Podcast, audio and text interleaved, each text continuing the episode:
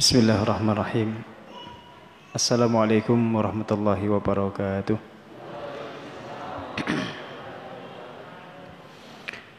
Innal hamdalillah nahmaduhu wa nasta'inuhu wa nastaghfiruh wa na'udzu billahi min shururi anfusina wa min sayyiati a'malina. May yahdihillahu fala mudilla lahu wa may yudlil fala hadiya lahu. أشهد أن لا إله إلا الله وحده لا شريك له وأشهد أن محمدا عبده ورسوله لا نبي ولا رسول بعده اللهم صل وسلم وبارك على هذا النبي الكريم وعلى آله وصحبه أجمعين أما بعد معاشر المسلمين رحمكم الله Bapak Ibu jamaah yang dimuliakan Allah Subhanahu wa taala.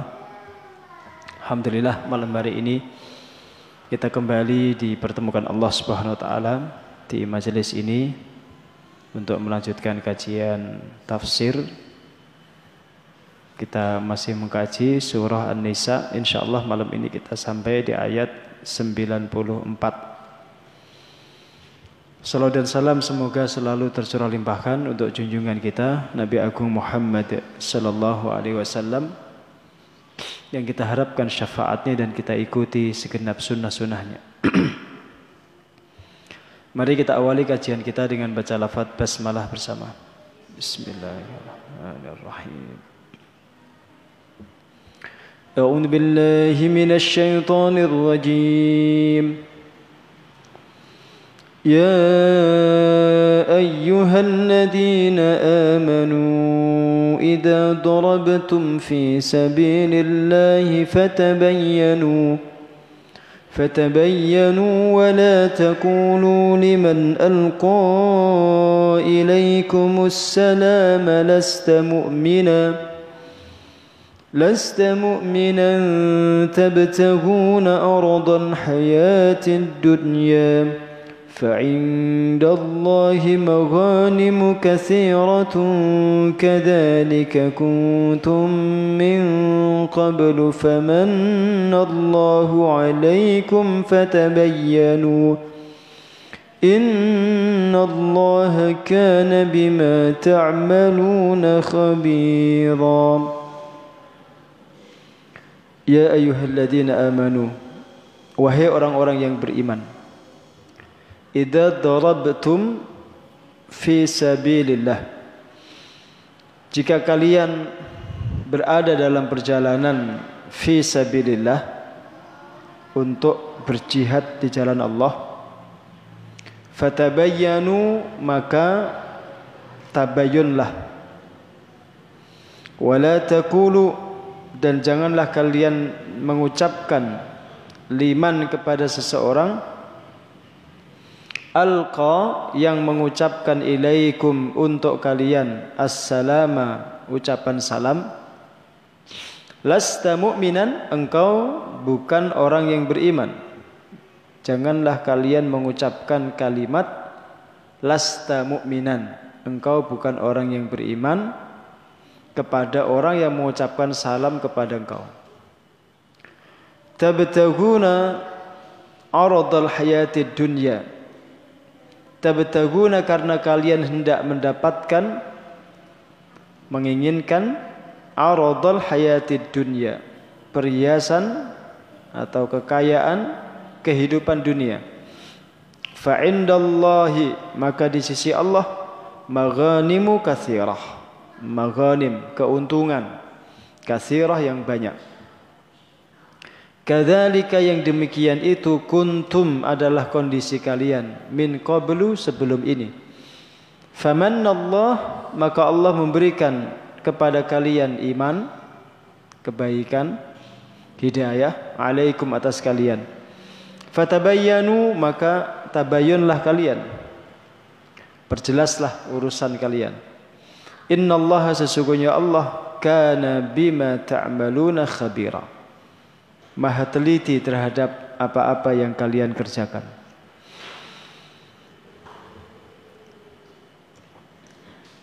Saya bacakan sababun nuzul dulu daripada ayat ini.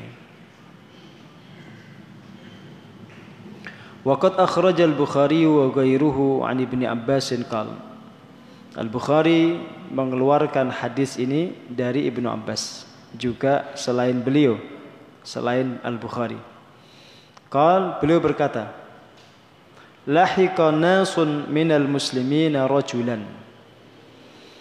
Ada beberapa orang dari kaum muslimin bertemu dengan seorang laki-laki ma'ahu ghanimatan lahu, ma'ahu ghanimatun lahu. Yang laki-laki itu membawa beberapa ekor kambing. Faqala lalu laki-laki itu berkata assalamu alaikum. Jadi dia mengucapkan salam assalamu alaikum. Faqataluhu lalu atau kemudian orang-orang Islam sahabat-sahabat Nabi itu membunuhnya. Wa akhadhu ghanimatahu lalu mereka ya, para sahabat itu mengambil gonimahnya yang tadi berupa beberapa ekor kambing itu diambil, dirampas itu. Fanazalat lalu turunlah ayat ini. Ya ayyuhalladzina amanu idza darabtum fi sabilillahi fatabayyanu. Al-ayah. Ini riwayat pertama terkait dengan sabab nuzul sebab turunnya ayat ini. Jadi ada rombongan sahabat bertemu dengan seorang laki-laki. Laki-laki ini membawa kambing. Kemudian laki-laki ini mengucapkan salam, Assalamualaikum. Tapi sahabat-sahabat ini, ya rombongan sahabat ini tetap membunuhnya. Setelah dibunuh, gonimahnya diambil ya kambing-kambingnya ini dirampas maka turunlah ayat ini idza darabtum fi sabilillahi fatabayyanu. Wa akhraja ibnu abi syaibah wa ahmad wa abd ibnu humaid wa tirmidzi wa hassanahu. Ibnu abi syaibah ahmad dan juga abd bin humaid dan serta iman iman at-tirmidzi mengeluarkan hadis wa hasanahu dan beliau mengatakan hasan. Wa ibnu jarir demikian juga ibnu jarir wa ibnul mundir wa tabrani wal hakim. Ibnul mundir at-tabrani dan al hakim juga meriwayatkan hadis ini. Wasahahahu al hakim mengatakan hadis ini sahih. Wal baihaqi fi sunanihi. Juga al baihaqi di dalam sunnah-sunnahnya dalam sunannya dalam kitab sunannya. An Ibnu Abbasin dari Ibnu Abbas. Qal dia berkata, Marra rajulun min Bani Sulaim. Bina bina farin min ashabi Rasulillah sallallahu alaihi wasallam. Wa huwa yasuqu ghanaman lahu. Fasallama alaihim faqalu ma sallama alaina illa liyata'awwadhu minna. Fa'addu ilaihi faqataluhu. Wa atau bi ghanamihi ila nabi sallallahu alaihi wasallam fanazalat hadhihi al-ayatu ya ayyuhalladzina amanu idza darabtum fi sabilillah ada seorang laki-laki dari Bani Sulaim berjalan melewati rombongan sahabat. Laki-laki ini menuntun beberapa ekor kambing. Lalu dia mengucapkan salam kepada sahabat-sahabat yang berpapasan dengan dirinya itu. Tapi sahabat-sahabat ini merespon ucapan salam itu dengan kalimat Masallama alaina illa liyata'awadu minna. Orang ini tidaklah mengucapkan salam kepada kita kecuali karena dia ingin melindungi dirinya dari kita. Maksudnya agar tidak kita serang. Itu kesimpulan para sahabat yang bertemu dengan laki-laki ini. Maka sahabat-sahabat Nabi itu kemudian menyerangnya. Lalu membunuhnya. Dan membawa kambing-kambing itu menghadap Nabi. Kambing-kambingnya dibawa disetatuskan sebagai gonimah diserahkan kepada Nabi. Lalu turunlah ayat ini. Ya ayyuhalladzina amanu idza darabtum fi sabilillahi fatabayyanu. Kalau di riwayat yang pertama tadi tidak disebutkan dari kabilah mana laki-laki itu. Di riwayat yang kedua disebutkan min Bani Sulaim dari kabilah Bani Sulaim. Di riwayat yang pertama juga nggak disebutkan alasan apa sahabat membunuh orang yang mengucapkan salam itu. Para sahabat Nabi melakukan itu karena kesimpulan bahwa laki-laki itu mengucapkan salam itu bukan karena dia beriman tapi karena takut dibunuh.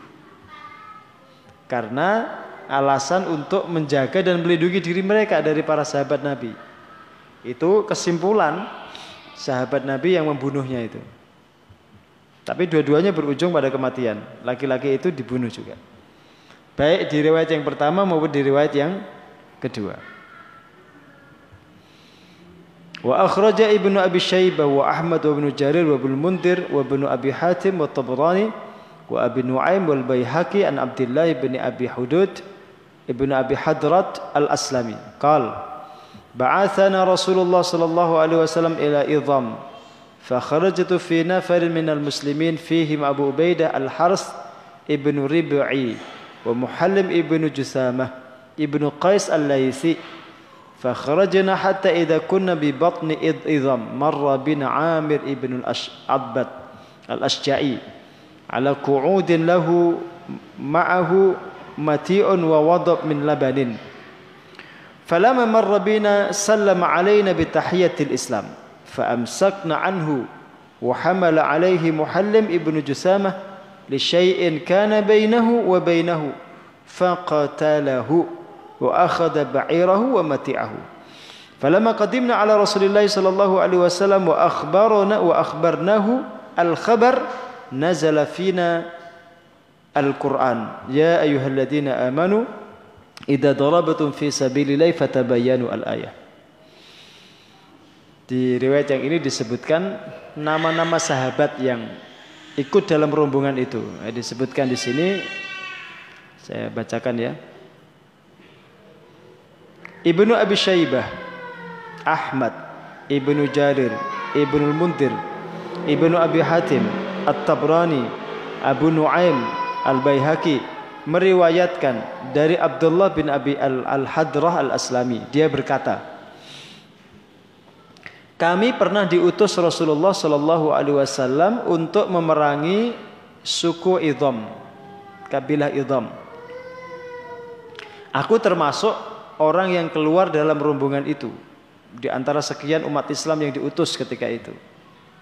Nah, di dalam pasukan ini ada Abu Abu Qatadah Al-Haris bin Rib'i dan Muhallim bin Jusamah Ibnu Qais Al-Laisi. Ada dua orang yang menjadi tokoh saat itu. Kami keluar dari Madinah menuju kabilah Idham itu. Ketika kami sampai di kabilah Idham itu kami bertemu dengan Amir bin Al-Adbat Al-Asja'i. Ya, dia membawa beberapa barang, gitu, beberapa barang, termasuk beberapa gantang susu. Maka ketika dia bertemu kami, ini siapa namanya tadi? E, Amir ya bin Adbad. Dia mengucapkan salam kepada kami dengan tahiyatul Islam, dengan salam Islam. Ya assalamualaikum warahmatullahi wabarakatuh. Ya ucapannya salam Islam. Lalu kami menahannya. Nih faamsakna kami menahannya kami mengikatnya. Dan kami membawanya kepada Muhallim bin Jusamah. Nah Muhallim bin Jusamah ini dulu ya dengan Amir ini pernah ada masalah di masa jahiliyah. Ada permusuhan lah gitu loh. Kalau dibahasakan di sini kan li kana bainahu wa bainahu. Ya dulu ada masalah. Dulu ketika masa jahiliyah itu ada masalah, jadi ada permusuhan.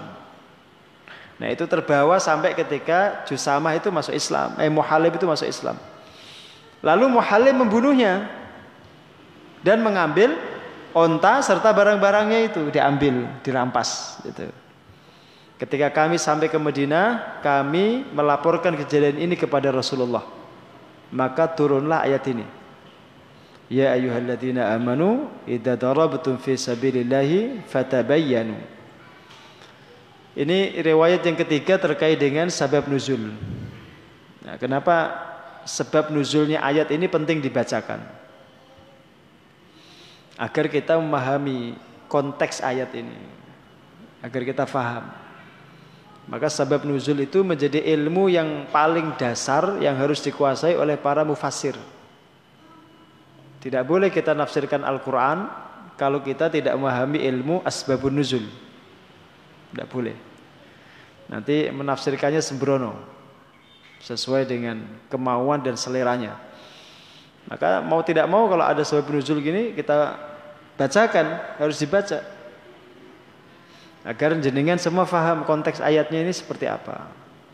Jadi kalau kita lihat di riwayat yang ketiga, ini disebutkan tokoh-tokohnya ya disebutkan tadi ada Abu Qatada Abu Qatada itu namanya Al Haris bin Ribai ada juga di situ tadi sahabat uh, Jusamah ya apa?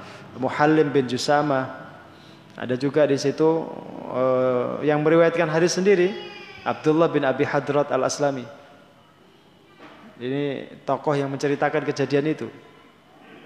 Kemudian yang dibunuh disebutkan namanya di situ. Kalau tadi kan disebutkan cuma dari Bani Sulaim gitu ya. Nah, ini disebutkan di sini namanya yang dibunuh itu Amir bin Adbad al-Asja'i. Ini yang nanti jadi korban. Setelah dia mengucapkan salam, bukannya salamnya itu dibalas, justru malah ditangkap, kemudian dibunuh. Hartanya dirampas, ontanya, barang-barangnya, bawaannya dirampas dijadikan ghanimah dibawa menemui Rasulullah di Madinah. Jadi ketika mereka pulang, mereka menghadap Rasul melaporkan kejadian itu, kemudian turun ayat ini. Turun ayat ini dan turunnya itu cepat. Berarti menunjukkan bahwa kejadian itu oleh Allah Subhanahu wa taala dianggap sangat penting. Maka direspon dengan cepat. Ada orang sudah mengucapkan salam kok dibunuh itu masalahnya. Harus segera direspon. Ya, harus segera direspon. Nanti kita simpulkan ya. Bukan kita lah. Nanti kita baca kesimpulan para ulama terkait dengan ini. Kita baca dulu aja. Jadi kan sabar kan saya bacakan ini? Mau sabar ya? Tak kira gerenang. Ya, saya bacakan biar paham maksudnya. Karena kalau kita tidak bacakan nanti takut salah paham. وفي لفظ وفي لفظ عند ابن إسحاق وعبد ابن حميد وابن جرير وابن المنذر وابن أبي حاتم من حديث أبي حضرت هذا أن النبي صلى الله عليه وسلم قال لمحلم أقتلته بعدما قال آمنت بالله. فنزل القرآن. آه، dalam satu riwayat milik Ibnu Ishaq Abid bin Humaid dan Ibnu Jarir serta Ibnu Mundir, Ibnu Abi Hatim dari hadis Abi Hadrat. Nabi Shallallahu Alaihi Wasallam ketika mendengar laporan itu, Nabi berkata kepada Muhallim. Muhallim itu tokoh yang tadi membunuh itu. Muhallim bin Jusamah yang membunuh Amir karena dulu di masa jahiliyah Muhalim itu musuhan sama Amir. Ya. Apa perkataan Nabi? tahu ba'da an qala amantu billah? Apakah engkau tetap membunuhnya setelah dia mengatakan amantu billah aku beriman kepada Allah? Jadi Nabi itu duko, marah Nabi itu. Kok bisa-bisanya kamu membunuh orang yang sudah mengucapkan amantu billah? Karena kalimat assalamualaikum warahmatullahi wabarakatuh itu dalil iman. Tanda kalau dia beriman. Kok bisa-bisanya kamu bunuh orang yang jelas mengucapkan salam itu? Karena tahiyatul Islam itu tahiyatul Islam itu kan salamnya Islam. Gak mungkin diucapkan orang kafir. Jenengan jangan nyangka kalau orang Arab zaman dulu itu suka bohong seperti jenengan. Orang Arab itu modelnya tulus, apa adanya. Nah Islam ya Islam ya kafir kafir, tidak ada yang bermental muka dua itu nggak ada. Kita nih mengaku Islam tapi gak jelas. Ya, jarane apa? Islam apa? KTP. Oh, oh saya belum swarga KTP ini ya kan banyak yang pura-pura tau. Ya buktinya ana adzan krungu ya gak ke masjid, ya kan? Ana Rasul dihina ya gak marah. Ya. Gitu. Tapi nak organisasi dihina marah. Ini orang nggak jelas itu. Ya, organisasi lebih penting daripada agama, kan kacau itu. Harusnya kan tidak begitu. Kalau orang Islam itu ya Islamnya dihina ya marah. Nabinya dihina ya marah. Coba kalau jenengan ibu jenengan dihina orang. Marah betulnya? Oh marah. Rasul kalau ibu jenengan itu lebih tinggi mana kedudukannya? Rasul. nggak bisa ditawar itu. Syarat kita beriman dan iman kita diterima itu kalau kita menjadikan Rasul lebih kita cintai daripada diri kita dan keluarga kita. Paham? Orang Arab zaman dulu begitu. Dia sudah mengucapkan Assalamualaikum warahmatullahi wabarakatuh. Itu tandanya dia Islam. Tanda Islam seperti itu tidak boleh dibatalkan dengan dugaan. Kan tadi muhalli membunuh itu karena dugaan. Ah paling dia mengucapkan itu tujuannya agar tidak kita serang. Ah paling dia mengucapkan itu untuk ta'awudan minal qatli agar tidak kita bunuh. Nah, itu kan dugaan tak? Ini tanda keislamannya ini lebih jelas. Dia mengucapkan salam. Kok dibunuh itu yang yang janggal bagi Rasul itu. Rasul juga pernah marah kepada Usamah bin Zaid bin Harisa. Ketika Usamah duel sama orang kafir itu. Duel. Orang kafir ini terdesak gitu, jatuh ke tanah, Pedangnya Usama sudah di lehernya. Sudah di lehernya. Tapi belum ditebaskan, sudah diacungkan ke leher. Udah, terus orang itu mengucapkan kalimat asyhadu alla ilaha illallah wa asyhadu anna muhammadar rasulullah.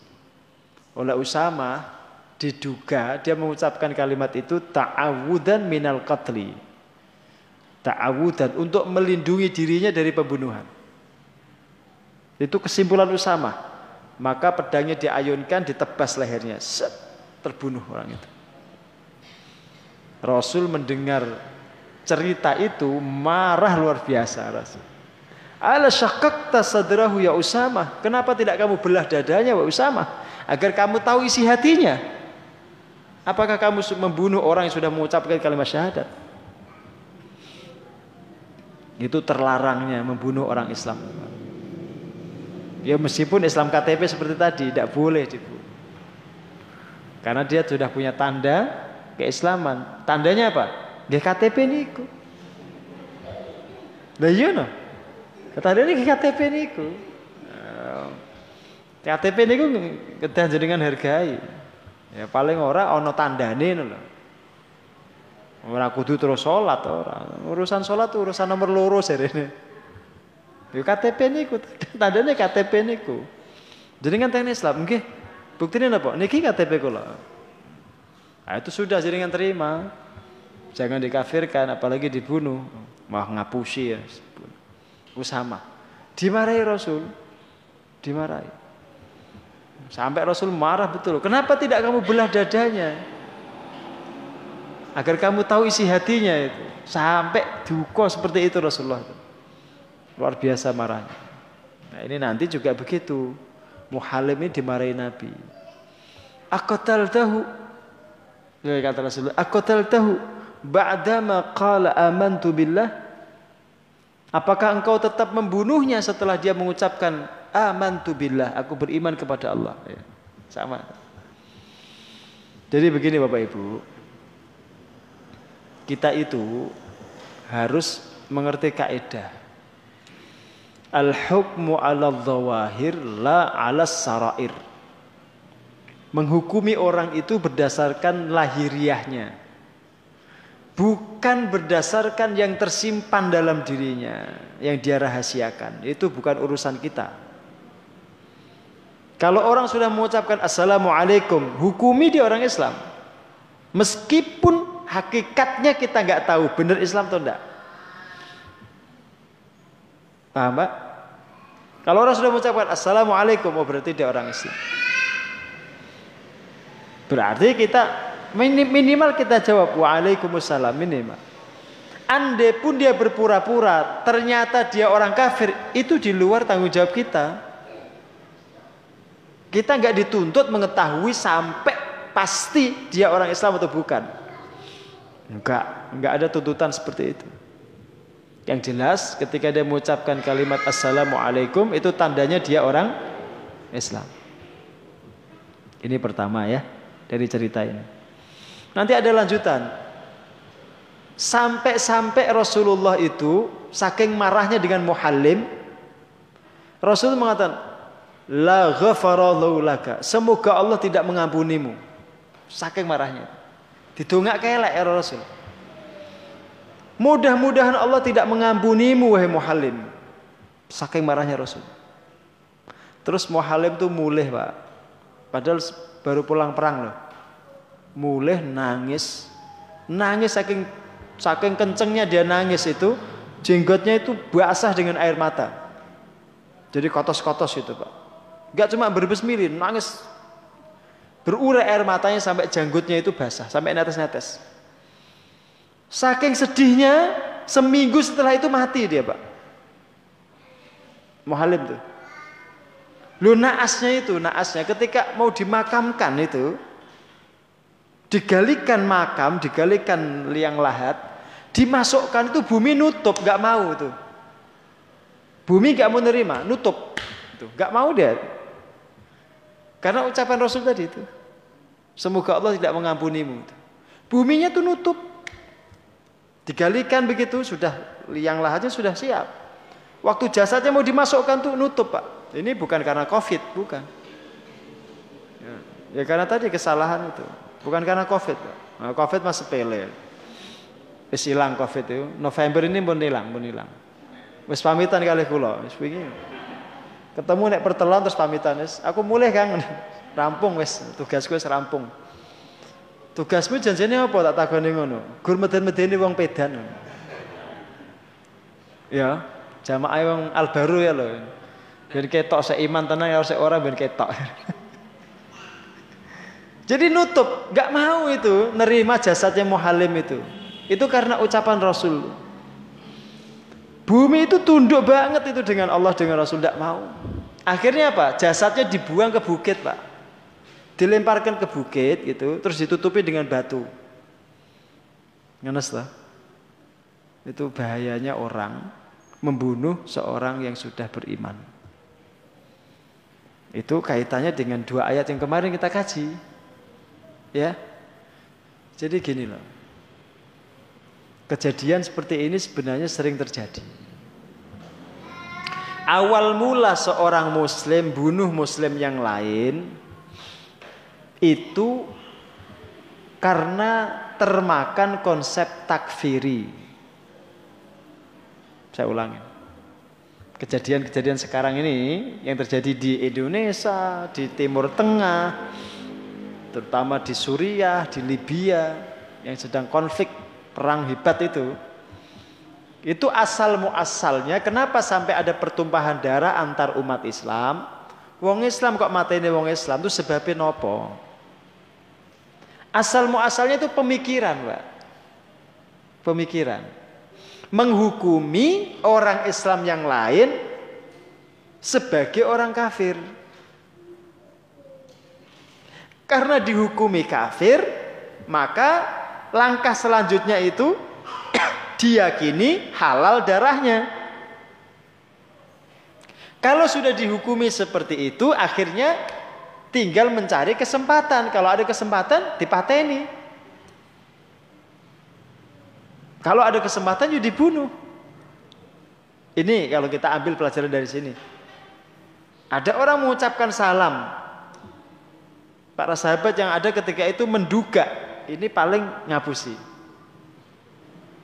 Paling ini wong kafir ngapusi. Pura-pura masuk Islam. Berarti kan dihukumi kafir toh? Setelah dihukumi kafir, ditangkap. Terus dibunuh. Eh, dari takfir itu, dari mengkafirkan orang itu nanti berlanjut kepada pembunuhan. Pada menumpahkan darah.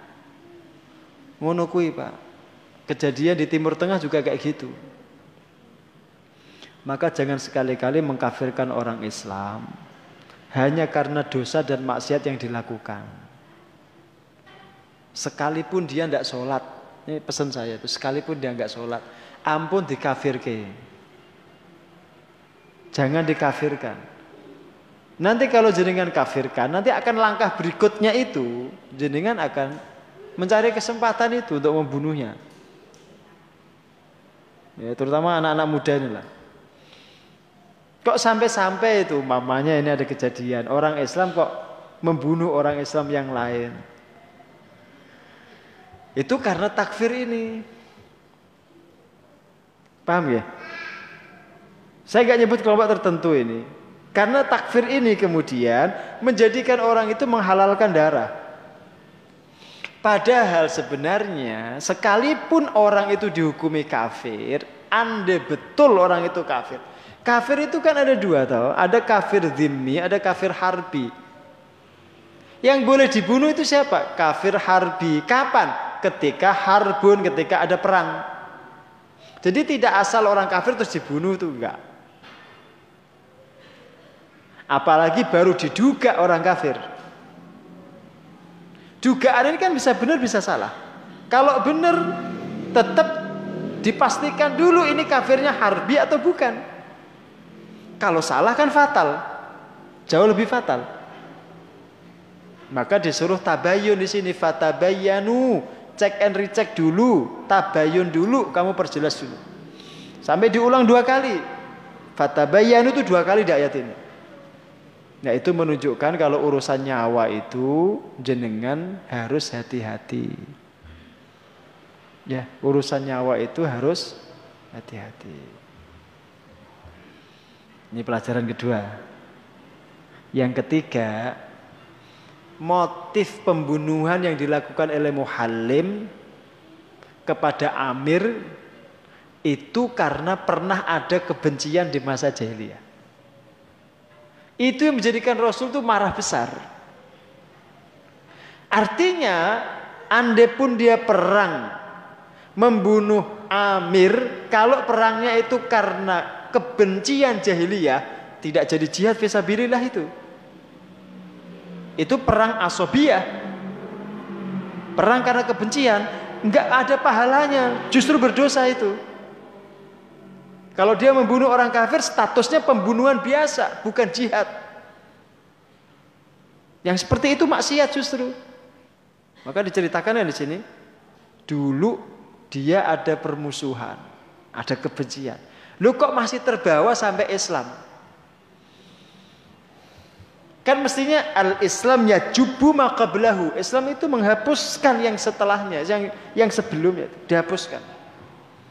Di, menghapuskan masa lalunya mestinya itu. Paham? Harus ditinggalkan semua itu kebencian-kebencian jahiliyah, fanatisme, asobiyah, tradisi yang apa yang yang jahiliyah, tinggalkan semua mestinya. Benar-benar lahir menjadi pribadi yang baru, menjadi manusia yang baru, insanun jadid. Mestinya begitu. Ya. nggak boleh kebencian diteruskan di masa Islam. Nah, kenapa Rasul marah itu? Karena dasar muhalim membunuh itu karena itu. Bukan karena membela Islam. Maka jenengan hati-hati di sini. Allah tuh tahu hati kita, tahu persis.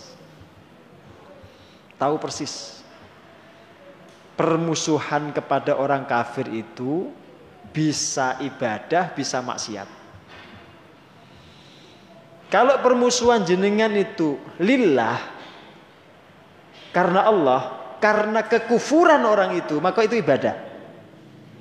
Tapi kalau permusuhan dengan orang kafir itu karena faktor masalah pribadi yang terjadi antara jenengan dengan orang kafir itu, itu maksiat. Jangan ngaku sedang berjuang, enggak, ada sedang maksiat. Yang itu begitu merusak Islam. Maka dulu dulu ketika aksi 212 itu sebenarnya sekian juta orang itu Kalau mau dicermati betul motivasinya itu beda-beda. Ada yang betul lidaf'il Quran, lidifa'anil Quran, betul-betul untuk membela Al-Quran. Tapi ada yang tujuannya politis. Pasti ada itu. Karena unsur politis. Nah itu masing-masing nanti akan mendapatkan balasan sesuai niatnya masing-masing. Paham ya? Urusan hati itu yang tahu Allah. Nah kita kita itu ketika berurusan dengan orang kafir harus lillah. Kalau kita perang, andai kita perang melawan orang kafir itu betul-betul lidifa anil Islam. Untuk membela Islam. Bukan karena masa lalu yang pernah ada antara kita dengan yang bersangkutan. Terus terbawa di medan jihad. Tidak boleh. Itu jelek sekali itu. Motivasi seperti itu. Nah itu alasan kenapa Rasulullah itu sampai mendoakan Muhallim bin Jusamah.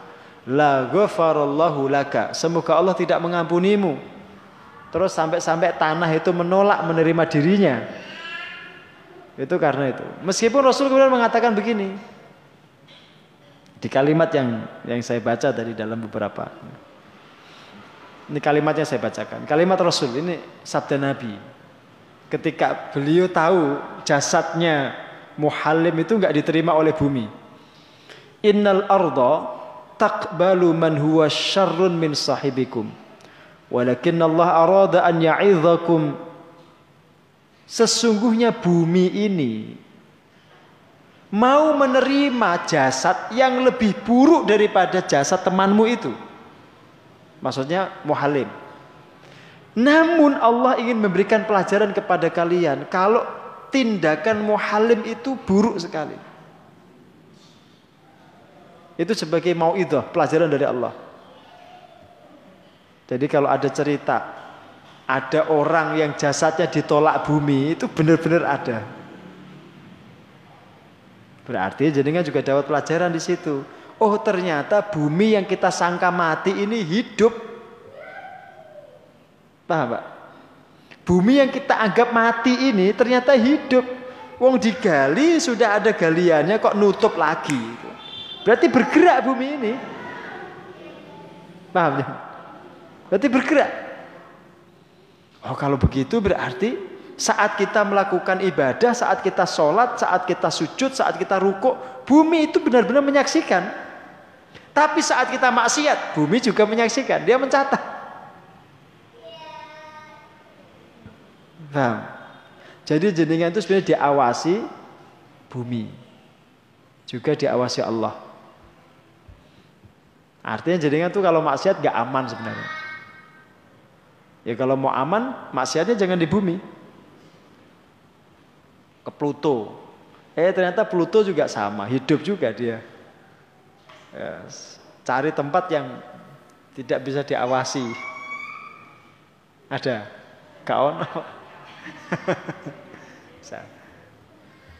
Nah ini tambahan, tambahan satu pelajaran. Oh ternyata bumi yang kita sangka mati itu ternyata hidup. Sampai-sampai dia nggak mau nerima jasadnya Muhalim. Dan kejadian seperti itu nanti banyak. Sebaliknya, jadi kan perhatikan kisah Korun itu. Kisah Korun. Tahu Korun? yang kemudian hartanya diabadikan menjadi harta karun itu. Jadi kan gali-gali-gali dapat sesuatu di dalam tanah jangan sebut harta karun. Itu kisahnya kan musuh dengan Nabi Musa itu luar biasa. Itu musuh bebuyutan Nabi Musa kan. Orangnya kaya, pelitnya minta ampun, sombongnya luar biasa. Apa yang terjadi? Ditelan bumi rumahnya, asetnya, kekayaannya semua ditelan. Ditelan itu kan berarti buminya ini bergerak toh? Menggulung dirinya, melumatnya, memasukkannya, membenamkannya ke dalam perut bumi. Bukan gempa itu. Itu mirip kejadian yang ada di Palu. Apa namanya itu? Apa mas? Ya kue lah kue. Aku lali wes gitu. Bergerak gitu loh jalan. Buminya itu bergerak. menggulung gitu. Kan ada yang tanahnya sampai gini kan? Dilumat, dilumat, dikunyah, bahasanya dikunyah, dibenamkan ke dalam perut bumi. Dia, rumahnya, asetnya, semuanya. Oh berarti bumi itu hidup Pak.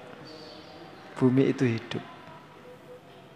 Maka sampai-sampai itu Sayyidina Ali itu pernah ngendikan gini. Kalau ada orang yang meyakini betul ayat ini. Lau anzalna hadzal Qur'ana ala jabalin la ra'aitahu khashian mutasaddian min khasyatan min indillah.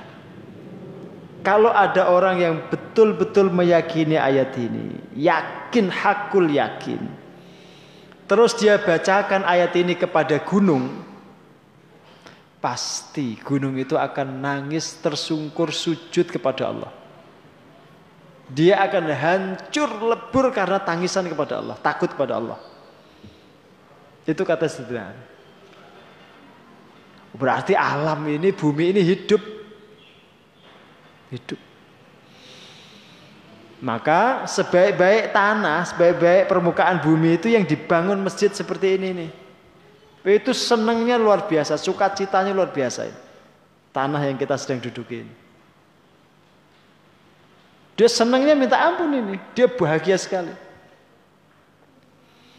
Tapi ketika di atas punggungnya itu digunakan maksiat, dia juga murkanya luar biasa. Berkali-kali minta izin sama Allah agar Allah memperkenankan dia untuk menelan manusia-manusia yang durhaka itu. Gitu. Ini pelajaran. Siapa tadi namanya? Muhallim bin Jusama. Muhallim bin Jusam. Jadi Nabi mengatakan, Innal arda takbalu min man huwa syarrun min sahibikum. Walakin Allah arada an ya'idakum. Thumma tarahuhu fi jabalin wa alqaw alaihi al-hijarah. Kemudian mereka melemparkan jasadnya Muhalim itu fi jabalin ke gunung. Wa alqau alaihi hijarah dan menutupinya dengan batu-batuan, ditutupi dengan batu-batuan. Itu karena nggak diterima oleh bumi. Terus dilempar ke gunung, ditutupi batu-batuan. Maka kalau di sebagian eh, apa ya sebagian tempat itu ada orang yang jasadnya dimakamkan di gunung-gunung kayak ada kan di gunung-gunung kayak ditutupi watu itu keturunannya muhalim tradisi itu justru tradisi yang yang jelek harusnya kan kalau tradisi Islam tuh orang dimakamkan dalam perut bumi ini kok malah ditaruh di bukit-bukit ya kan ngikuti muhalim ini deh itu hanya orang yang tidak diterima oleh bumi diperlakukan seperti itu. Kalau orang yang diterima oleh bumi ya mestinya dimakamkan. Dan bumi pun ketika dia dimasuki oleh orang yang saleh, dimakamkan di dalam perutnya itu orang saleh, bumi itu senang. Dia akan mendekap orang saleh itu seperti seorang ibu mendekap anaknya. Dia senang. Sampai-sampai pada tingkatan bumi itu tidak akan mau, tidak kerso makan jasadnya itu. Itu kalau orang solehnya itu setingkat wali, setingkat ulama, syuhada. Tidak mau dia makan jasadnya. Karena sudah ada hukum yang ditetapkan oleh Allah. Sesungguhnya Allah mengharamkan bumi itu memakan, memakan jasad para ambia, syuhada dan salihin. Gak akan dimakan tanah. Gak dia nggak mau. Tidak selera bumi itu tidak selera. Paham bu? Hmm, itu hakikat bumi ya, sehingga kita harus pahami. Jadi orang beriman itu hatinya ta'aluk betul dengan hal seperti itu. Sehingga dia nggak sembrono, di mana pun dia berada itu bumi itu ya. Jadi saksi, ya, jadi saksi. Jangan sampai kita melakukan halal yang dibenci oleh Allah, kemudian disaksikan oleh bumi itu. Saya teruskan. Wa akhraj al-Bazzar wa daru qutni fil Ifrat wa Tabrani fil Diya fil Mukhtarah عن ابن عباس أن سبب نزول الآية أن المقداد ابن أسود قتل رجلا بعد من قال لا إله إلا الله ini riwayat yang keempat Al-Bazzar, Ad-Daruqutni meriwayatkan dalam kitabnya Al-Ifrad. At-Tabrani juga meriwayatkan dalam kitabnya Ad-Diya. Dari Ibnu Abbas, sesungguhnya sebab turunnya ayat ini bahwa Al-Mikdad bin Al-Aswad pernah membunuh seorang laki-laki setelah dia mengucapkan kalimat la ilaha illallah. Wa fi sabili wa fi sababi nuzulil ayat riwayatun kasirah. Ini beliau mengatakan di dalam sebab turunnya ayat ini terdapat banyak riwayat yang sangat banyak. Terdapat riwayat yang sangat banyak. Wa hadzal ladzi dzakarnahu ahsanaha. Yang kami sebutkan ini adalah riwayat yang paling baik, yang paling uh, sahih. Ini kata beliau. Jadi kejadian kejadian yang melatari ayat ini turun itu banyak. Tadi ada dari kabilah Bani Sulaim, ada kisahnya Muhalim, ada kisahnya Mikdad. Bahkan juga ada yang mengatakan ini terkait dengan kisahnya Usamah yang tadi saya ceritakan itu. Usamah bin Zaid bin Harisah yang membunuh laki-laki yang sudah mengucapkan syahadat itu. Yang jelas kesimpulannya gini Bapak Ibu.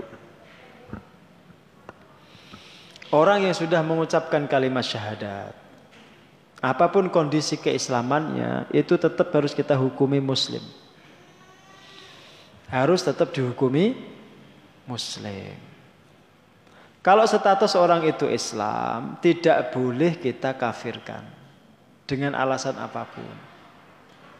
Kecuali kita betul-betul yakin dia sudah melakukan tindakan kekufuran tanpa ada sebab yang dibenarkan oleh syariat seperti pemaksaan umpamanya atau tidak sadar dan lain sebagainya. Tapi kalau kita tidak tahu secara pasti kekufuran yang bersangkutan tidak boleh kita kafirkan. Tidak boleh. Ya lagian kita juga bukan ulama yang punya hak untuk mengkafirkan. Maka lebih baik kita menahan lisan kita, menahan tangan kita daripada menyakiti dan mengucapkan kata-kata yang tidak dibenarkan oleh syariat. Karena kalau kita mengkafirkan orang yang tidak kafir statusnya, kekafiran itu kembali kepada kita. Artinya takfir yang ngawur mengkafirkan orang yang yang bukan orang kafir secara ngawur itu itu penyebab kekafiran diri kita. Jadi bisa berakibat kufurnya dan kafirnya diri kita. Paham ya? Nah, yang kedua saya ulangin tadi, urusan nyawa itu urusan yang sangat-sangat gawat. Pertumpahan darah itu sangat gawat. Maka tidak boleh kemudian kita itu sembrono menumpahkan darah. Apalagi hanya karena faktor dugaan. Kita menduga orang itu kafir. Enggak boleh. Kita yakin pun orang itu kafir, itu harus dipilah, dipilih. Orang kafir apa yang boleh dibunuh? Karena orang kafir itu tidak satu level. Dalam kondisi apa boleh kita bunuh orang kafir itu? Kalau tidak terjadi peperangan juga boleh orang kafir dibunuh. Peperangannya pun harus perang karena agama, bukan perang karena suku, bukan bukan karena kepentingan. Perangnya harus karena agama. Jelas Pak? Perangnya harus betul-betul visabilillah. Andai bahkan kemudian seperti Muhalim ini. Dia betul-betul ma maju ke medan perang. Bertemu dengan orang kafir. Ya, dulu mereka itu ada hubungan yang nggak baik, kemudian orang itu dibunuh. Kalau alasannya itu karena kebencian di masa lalu, itu tidak jadi jihad, itu maksiat. Itu maksiat, itu bukan jihad, itu maksiat. Makanya kalau jadikan lihat di dalam Al-Qur'an, semua kata perang yang diperintahkan Allah Subhanahu wa taala itu selalu dirangkai dengan kata fi sabilillah. Harus fi sabilillah, di jalan Allah bukan di jalan pribadi kita. Bukan di jalan kelompok golongan suku kita, tidak boleh. Harus visabilillah. Ya. Tidak boleh. Maka kalau ada kesalahpahaman, ya antar kelompok, antar ormas, itu jangan sampai berujung pada perkelahian. Apalagi sampai menumpahkan darah. Ya. Tidak boleh karena ini sama-sama ormas Islam. Uang podo islami ngakune podo berjuangnya kok gelut kok tukaran kok kelahi sampai ada yang mati. Maka jangan mau diadu domba juga. Yang ngadu domba umat Islam itu bukan orang kafir, Pak, tapi umat Islam sendiri. Ya, Pak. Yang ngadu domba umat Islam itu bukan orang kafir, tapi umat Islam sendiri. Jadi kan lihat ya ada film baru di YouTube. Nggak tahu sudah dicabut atau belum itu. Film My Flag benderaku. Wis gawe wong Islam ya malah kiai apa piye ngono, aku ya ora pati kenal wong. Ora tahu ketemu. Jadi salaman ya kau kayak gak tahu ya. Tapi aku roh roh wonge tahu orangnya itu. Gak pinter ya pinter Pak wong jenenge dijuluki kiai itu kan ya pinter. Tapi untuk jadi kiai, untuk jadi tokoh itu kan tidak cukup dengan kepandaian. Tidak cukup. Kalau ngandalkan pinter saja, bawa laptop saya lebih pinter daripada jenengan. HP saya, smartphone saya itu lebih pinter daripada jenengan. Wong HP saya itu apal Quran kok. Ano kitab tafsir ya, ano kitab Al-Qurtubi, ada Ibnu Kasir, HP saya. Kalau urusannya hanya mengandalkan kepandaian. Tapi untuk jadi kiai itu nggak cukup dengan kepandaian itu. Harus ada kearifan. Coba saya yang sudah nonton, coba angkat tangannya mas. Udah nonton? Oh, wis wis nonton. Apa tau untungnya nggak film ngono kuwi? Manfaatnya apa? Maslahatnya apa? Manfaatnya apa? Coba saya tanya. Ada enggak nilai manfaat yang di dapatkan yang kembali kepada umat gitu loh. Atau pada masyarakat. Oh gak ono manfaatnya blas. Kue film cah cilik-cilik dolanan kok yang justru efeknya memecah belah umat. Ya efeknya justru memecah belah umat. Padahal tema-tema seperti itu sebenarnya sudah selesai. Tidak perlu Islam itu dibenturkan dengan nasionalisme gitu tidak perlu nilai-nilai keislaman itu dibentur-benturkan terus dengan Pancasila, dengan kenegaraan kita. Tidak perlu. Wong yang mendirikan negara ini orang Islam kok. Gimana betul? Yang mendirikan negara ini orang Islam, yang berkorban orang Islam, yang berjuang orang Islam, yang berjihad melawan Belanda orang Islam. Kok didu terus? Ini kalau kiai yang arif kan gak mungkin gak film seperti itu. Pinter tapi ndak arif. Gak bijaksana. Ya. Gak bijaksana itu. Makanya seperti itu jangan ditiru. Meskipun kiai jangan ditiru. Ampun ditiru, Pak. Ya. ya saya yakin jaringan yo yo kenal lah, tapi ndak perlu saya sebut namanya lah. Karena bagaimanapun dia dikiaikan kan, ditokohkan, ada saudara kita yang menghormati. Ini saya sampaikan kritik ini karena cinta, karena rasa rasa cinta saya. Nah fatalnya kan diunggah di akun resmi itu loh, ormas tertentu kan, itu yang jadi fatal. Diunggah, diposting di akun resmi, akun YouTube ya, ormas tertentu. Fatalnya kan di situ. Oh berarti kurang arif, tambah lagi kurang bijaksana. Maka berhati-hati, tidak usah seperti itu. Nah kalau kemudian terjadi gelut di dalam film itu itu ya kan ada gelutnya, terus ada aksi apa melepas sadar barang kayak terus dibuang sadare. Itu kan mengesankan. Kok wong antar orang Islam gelut dewi piye? Sama-sama berjilbab, sama-sama songkoan, sama-sama kesannya dari dari kalangan baik-baik, ya kan? Apa untungnya? Gelut karo wong Islam untuk untung apa jadi? Lu Sayyidina Utsman tuh Sayyidina Utsman, rumahnya dikepung para pemberontak. Sayyidina Utsman. Utsman bin Affan radhiyallahu anhu. Rumahnya dikepung para pemberontak. Jelas-jelas pemberontak, ingin mengkudeta beliau. Beliau itu kemudian dikunjungi oleh Abu Hurairah. Tentu dengan prosedur yang ketat. Terus Abu Hurairah itu matur. Wahai Amirul Mukminin, boleh tidak saya melawan mereka? boleh tidak saya menolong jenengan, membantu jenengan dengan melawan mereka? Kata Sayyidina Utsman itu, kalau kamu ingin menjadi musuhku di akhirat, silahkan lawan mereka. Kata Sayyidina Utsman, kalau kamu ingin jadi musuhku di akhirat, silahkan lawan mereka. Berarti tidak boleh? Tidak boleh.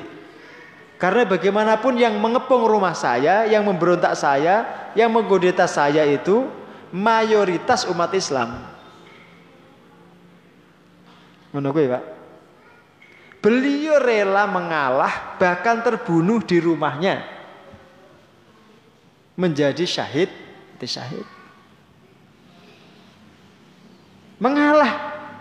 Kalau jangan berseteru dengan orang Islam, terlepas dari kualitas keislamannya, mengalah itu jalannya Sayyidina Utsman. Itu sunnahnya Sayyidina Utsman. Ajarannya Sayyidina Utsman. Dan itu ajarannya putranya Nabi Adam. Siapa itu? Namanya siapa? Yang dibunuh oleh Qabil Habil. Dalam pandangan manusia yang terbunuh itu kalah, yang membunuh menang. Pandangan manusia. Tapi dalam pandangan Allah yang menang yang terbunuh. Jadi kalau ada orang Islam itu bertengkar, ya sampai gelut, terus yang satu mengalah. Yang menang yang ngalah itu bukan yang menang dalam pandangan manusia. Maka nanti ketika Sayyidina Ali itu diperangi oleh Muawiyah, digulingkan kekuasaannya, Sayyidina Ali mengalah. Bahkan ketika Sayyidina Ali wafat, dibunuh oleh Ibnu Muljam itu, Kemudian digantikan oleh putranya Sayyidina Hasan. Sayyidina Hasan pun mengalah, Pak. Merelakan kekhilafahan itu diambil alih oleh Muawiyah. Mengalah. Itu kan sejarah tahu. Kok malah kemudian buat film adegannya antara orang Islam bertarung dan itu kiai yang gaya Pak Kiai loh. Dan orang biasa kayak jenengan mah nggak perlu saya bahas. Ya, dan yang memposting itu akun resmi. Nah, itu kan saya prihatin aja itu, saya prihatin. Sementara dunia Islam saat ini sedang diserang oleh musuh-musuh Islam. Nabi dicaci maki orang Perancis, dilecehkan kehormatannya oleh Macron, Macron itu orang yang kena corona. Macron. Itu kalau bahasa Arabnya itu Macron itu maf'ulun bil corona. Nabi dihina-hinakan begitu. Ke umat Islam malah diadu-adu. Ini kan timingnya nggak tepat. Adegan filmnya nggak tepat. Itu karena motivasinya salah. Saya yakin salah motivasinya. Itu amal yang saya yakin tertolak kayak gitu tuh. Gak ada manfaatnya. Paham Mbak ya? Eh, mudah-mudahan ini siaran saya nanti di cutting, dipotong. Nasihat itu you yang membuat film itulah. Untuk saudara kita juga di sebagian ormas yang tadi saya katakan ya. Tidak perlu seperti itulah. Jadi kita ini bersaudara yang baik saja. Jangan mudah diprovokasi, jangan mau diadu domba karena jadinya itu bersaudara. Wong Rasul itu pesan wakunu ikhwanan mutahabina. Jadilah kalian itu saudara-saudara yang saling mencintai. Disuruh jadinya itu jadi saudara yang saling mencintai kok. Bu ormasnya apa pun itu jadinya saudara lillah karena Allah berjuang ya fisabilillah sama-sama memperjuangkan ajaran Allah paham ya Maka kalau saya ditanya orang itu bingung saya, Pak Ustadz jenengan itu Muhammadiyah apa NU? Bingung kula, Pak. Aku wong Islam aku. Bingung. Saya itu kuliah dulu nyantri sampai aliyah itu di pesantren NU. Terus kuliah S1 itu di Libya Jakarta. Di kampusnya orang Saudi, Wahabi. Wahabi, Pak. Salafi. Terus S2-nya di UMS Muhammadiyah Surakarta. Ya Nah gitu kan. NO Wahabi salah apa Muhammadiyah. Kan jelas tak? Maka saya ketika ditanya Ustaz, Pak Ustaz pondok jenengan niku NO napa Muhammadiyah? Aku bingung nih jawab takon ini, Pak, bingung. Yang jelas Islam apa nih? NO nggih wonten, pengurus dari NO ada, pengurus dari Muhammadiyah nggak ada, ya pengurus dari ormas yang lain juga ada, yang tidak pakai ormas juga ada. Jadi lengkap di pesantren saya itu di Al-Fatih itu lengkap. Jamaah saya juga macam-macam. Oh nggih wonten Muhammadiyah nggih wonten. Kula mau bebas mau terbuka mau saya. Insya Allah dengan siapa pun ya, siap mawon saya. Dialog, kerjasama, saling menasihati karena Allah, yang ngaji bareng tuh. Remen, kula remen. Yang jelas pesan tadi. Jadi jangan sampai berkelahi, gelut, apalagi sampai ada pertumpahan darah antar sesama orang Islam. Dengan orang kafir pun jangan, ya. Wong kafir itu kalau tidak memerangi tidak boleh.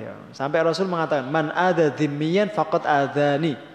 Barang siapa menyakiti orang kafir dhimmi, maka dia telah menyakiti aku, kata Nabi itu. Ya, Barang siapa menyakiti orang kafir dhimmi, orang kafir yang tidak memerangi, maka dia telah menyakiti aku. Kata Rasul. Oh, kafir aja kita tidak boleh ganggu, apalagi sama orang Islam. Nah kalau jadi ribut-ribut sama orang Islam tuh jadi ngalah mawon, ngalah mawon.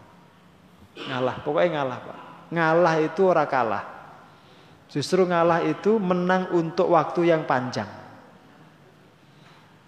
Jelas, Pak? Oke, itu pelajaran dari ayat ini. Ayat 94 surah An-Nisa. Wallahu a'lam bishawab. Kalau ada pertanyaan dipersilakan. Moga Bu. Oke, silakan. Assalamualaikum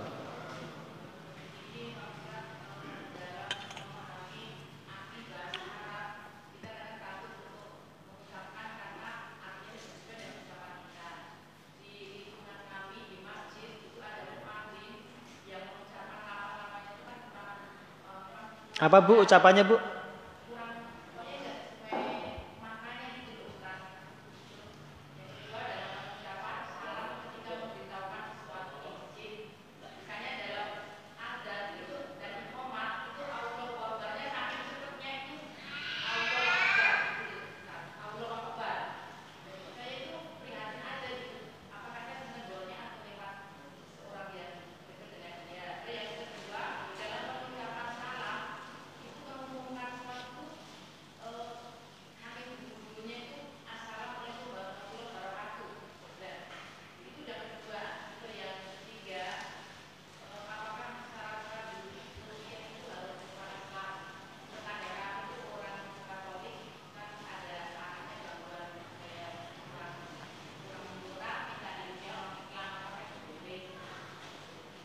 Bon?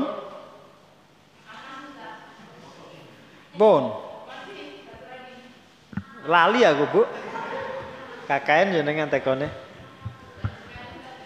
Iya, jenengan tuh banyak masalah kok. Ah.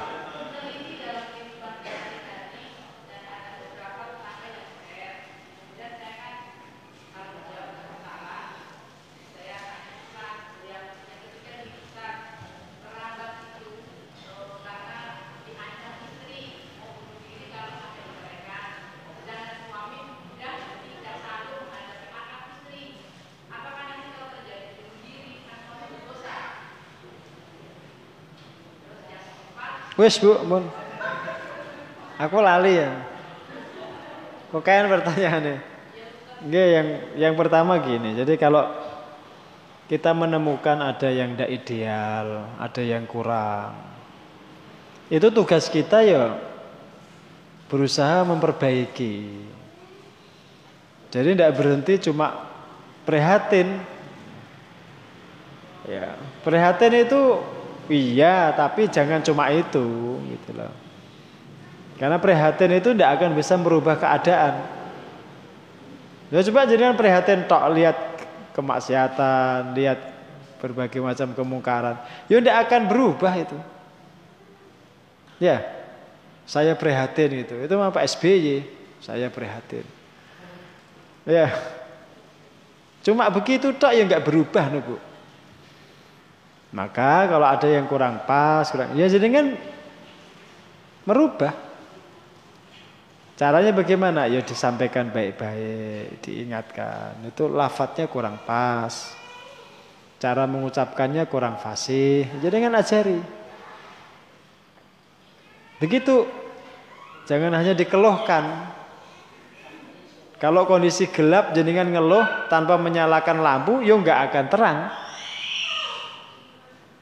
Paham ya? Nah, jenengan nasihati, sampaikan. Termasuk kalau kita menemukan di masjid kita imamnya umpamanya bacanya masih jauh dari standar itu, ya jadi kan nasihati. Sebisa mungkin belajar lebih giat itu ngajinya, ngaji tahsinnya lebih semangat gitu. Nah, sebelum kemudian dia mencapai tingkat standar itu ya jangan sungkan digantikan yang lain yang lebih baik. Ya, sampaikan aja baik-baik. Ya, jangan kita itu biasa gini loh. Grundel di belakang. Ya. Itu watak yang jelek. Guru grundel tok isine, grenengi wong. Engko nek ana pengajian ditekokke terus. Tapi tidak ada aksi gitu loh, nggak ada tindakan nyata. Setiap ngaji itu jadi bahan pertanyaan tok. Nah setelah dari sini tugas jenengan itu mengingatkan. Jangan nanti pekan depan tanyanya begitu lagi ya jangan. Enggak boleh nanti saya blokir jenengan nanti. Dilarang bertanya. Diblokir ya. Nah, aku lali terus yang nomor loro mau apa mau? Apa mas? Yakin jenengan lali lah mesti. Kok kena pertanyaannya? Apa mas? Merukia orang kafir. Merukia orang Nasrani. Pertanyaan saya, yuk apa mempan? Rek? Apa mempan gitu? Orang Nasrani di Rukia itu. Yuk kalau boleh sih boleh aja wong ngobati orang itu kan tidak pandang agamanya apa toh. Tapi pertanyaan saya mempan gak itu kira-kira? Iya. Yuk dicoba aja, coba aja. Merukiah itu sama seperti mengobati. Kalau dokter itu kan nggak boleh milih-milih pasien. Siapa aja yang butuh bantuan ya ditolong. Syukur-syukur nanti ketika sudah sudah sudah sembuh, jenengan tawari masuk Islam. Ya, ya jangan kalah sama pendeta sama misionaris itu. Mereka tuh kalau menemukan orang sakit ditawari, saya obati ya, tapi nanti saya baptis. Ngono kok. Tapi jenengan nggak usah gitu, pokoknya obati aja dengan baik. Nah, nanti setelah sembuh jenengan tawari. Jangan sebelum jenengan obati sudah jenengan tawari. Setelahnya aja tawari, nggak maksa ya, nawari aja. Nak mau ya alhamdulillah, nggak juga nggak masalah. Paham bu? Jadi kalau melihat orang kafir sakit itu ya podo perasaannya sakit, mesake itu ya nggak apa-apa, boleh. Maka saran saya kalau jaringan di jalan kok ada orang kecelakaan, ya tolong aja, ndak usah tanya agamanya. Agamamu apa kang? Nasrani. Oh, rasa tak tolong, mati ben. Ya mun ngoten niku. Masa orang Islam ngono kuwi kan ya ora, ora patut. Enggak boleh. Ya. Yes pokoknya ditolong lah.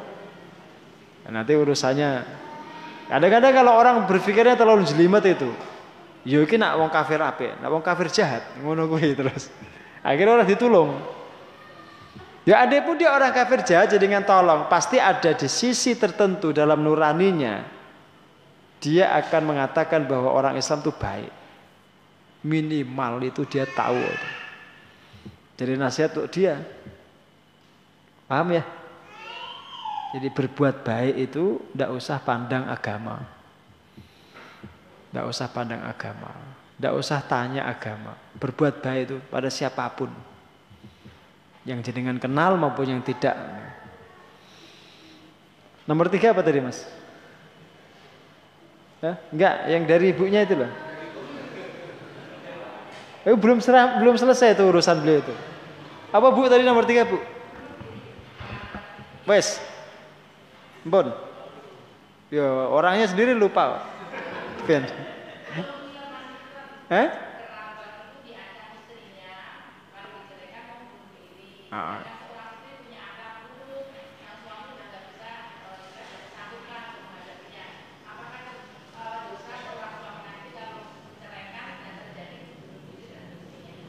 Yo diceraikan wae mau bunuh diri urusan dia itu.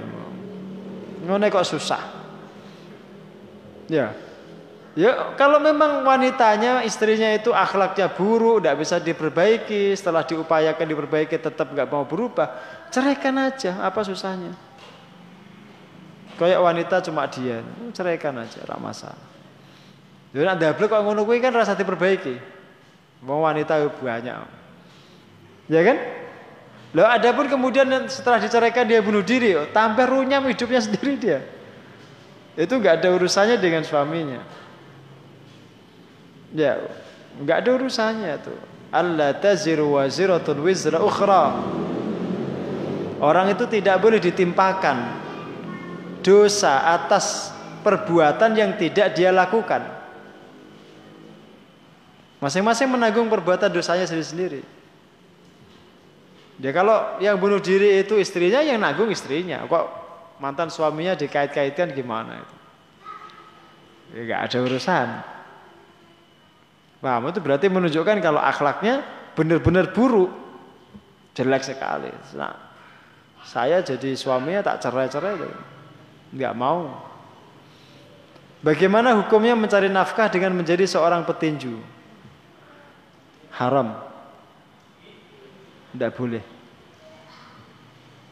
Kenapa?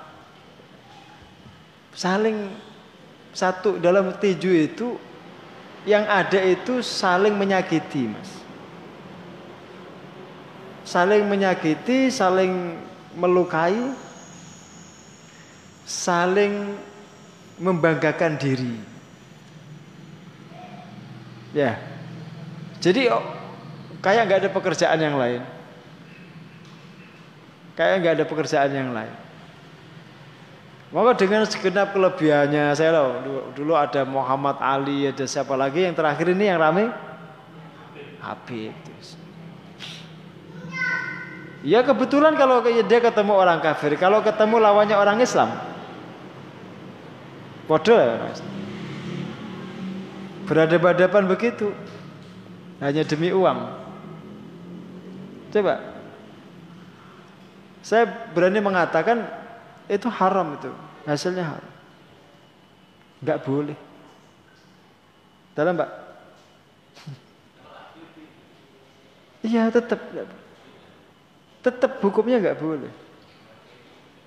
Ya, itu pekerjaan yang ya didapat dari menyakiti orang.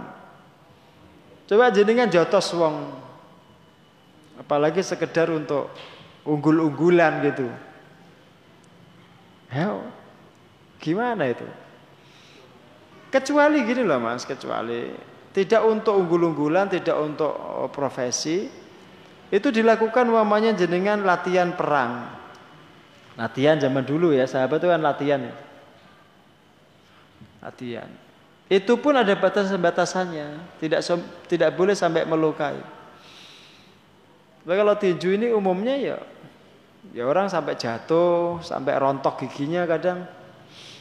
Sampai berdarah, ya? Itu pekerjaan yang ya bagi saya lebih dekat pada haram daripada halal itu. Tinju itu. Maka saya juga heran itu. Dari mana ya di diagung-agungkannya si Habib itu. Saya juga heran. Ya karena dia berapa kali mengangkat tema Islam gitu kan. Kemudian dianggap dia sebagai pahlawan Islam. Dia yang selama ini ngajar jenengan ngajari jenengan Islam itu ya enggak jenengan agung-agungkan kok. para ustadz, para kiai itu kurang apanya itu? kan lebih besar jasanya daripada petinju. Tapi orang itu gitulah, kalau sudah kadung tenar itu ya dianggap lebih daripada yang lain. Begitu mas, saya sarankan jenengan jangan jadi petinju ya. Gak usah. Nyangkul nek sawah jadi petani, jelas halal Jelas halal atau dagang di pasar. Hah? Atlet dulu. Sekarang wes oke. Okay. Ya wes tani wae Mas, tani. Insyaallah luwih sugih jadi anak tani. Ya insyaallah. Apakah boleh kita mengadu ayam atau ikan cupang tanpa taruhan? Eh, ini sama ini. Ini podo, ini mau ngedu menungso, ini ngedu kewan. Podo ini. Aneh-aneh wae takone iki. Untuk nanti yang menang dijual dengan harga mahal. Ngadu jangkrik era ini. Ngadu tumo ke era. Ngadu tumo lho era. Ya. Ngadu jangkrik, ngadu tumo, ngadu ayam, termasuk ngadu ikan, nggak boleh. Ada banyak riwayat yang menyebutkan nanti di akhirat itu Orang yang suka mengadu hewan itu di akhirat diadu, jadi kisos. Dikisos kan. Dihukum setimpal, diadu. Orang yang suka ngadu ayam itu sampai moncrot-moncrot gitu ya. Sampai delay-delay kan ayam tuh kadang-kadang sampai mati kan. Nanti di akhirat diperlakukan begitu yang ngadu itu. Dibalasi begitu, ditonton sama ayamnya. Oh iya, Oh, jangankan yang karena diadu. Ada hadis sahih di kitab Sahih Bukhari, Sahih Muslim. Di kitab Riyadhus Shalihin itu disebutkan bukan karena diadu. Ada kambing yang bertanduk menanduk kambing yang tidak punya tanduk, mati. Itu di akhirat dikisos. Hewan itu dibangkitkan nanti di akhirat, Kang. Yang mati itu karena ditanduk suruh bales tanduknya dipindah dikasihkan yang nggak punya tanduk itu terus disuruh balas sama Allah balas terus ditanduklah kambingnya yang yang tadi yang, yang membunuh itu ditanduk mati terus dua-duanya dijadikan Allah turab kun, kun turaban jadilah kalian debu ya nggak ada yang ke neraka nggak ada yang ke surga jadi debu tapi tetap dihukum setimpal di akhirat apa mana diadu Dosa. Jadi ngadu hewan itu dosa. Dosa, nggak boleh. Meskipun tadi ya, ngadu tumo sekalipun ya entuk. Tumo cilik kayak mbak du. Oh gelut gelut oh, gelut, nggak boleh. Ya, kalau tinjunya tadi ngadu orang, kalau ini pertandingan ikan cupang ini ngadu hewan, sama nggak bolehnya. Ngadu tuyul pun nggak boleh kan? Tuyul itu ada dua tuyul jangan adu, kon gelut. Enggak boleh. Ya waduh-waduh setane. Enggak boleh, jangan ya. Ini ngadu ayam kayak gini nih. Jangan. Ini perbuatan jahiliyah. Di dekat tempat saya itu ada ya, tempat sabung ayam itu. Berkali-kali dilaporkan tetap ayo no. Istiqomah teman-teman. Iya. Dan betul ayamnya yang menang itu harganya jadi mahal. Enggak cuma puluhan kok ratusan juta sampai ayamnya itu loh. Saya kadang-kadang punya niat mau tak colong, tak gorok Sembelih digoreng ya kan. Kadang-kadang saya punya niat gitu. Kasihan ayamnya itu. Wong hewan yang halal itu jenengan itu harus mesti tahu. Diciptakan itu untuk makanan jenengan. Lo kok malah diadu itu. Kalau di Jawa Barat itu ada adu domba. Adu domba ya di Jawa Barat tuh. Dombanya tuh sampai ratusan juta kan satu ekor tuh. Yang menang suka bumi itu, masa Allah itu adu domba itu di lapangan ditonton orang banyak. Itu perbuatan jahiliyah. Jangan bilang itu tradisi, itu tradisi jahiliyah. Ini nggak pandang bulu orang mana pun itu itu dosa itu tidak boleh. Ya termasuk ini kan ya. ikan cupang jangan. Meskipun tanpa taruhan, nanti kalau ada taruhannya dua kali lipat dosanya. Mengadunya dosa, taruhannya dosa. Paham ya? Baik, cukup saya kira insyaallah. Mari kita akhiri dengan baca hamdalah dan kafaratul majlis bersama-sama. Alhamdulillahirabbil alamin. Subhanallahi wa asyhadu an la ilaha illa anta astaghfiruka wa atubu ilaik. Assalamualaikum warahmatullahi wabarakatuh.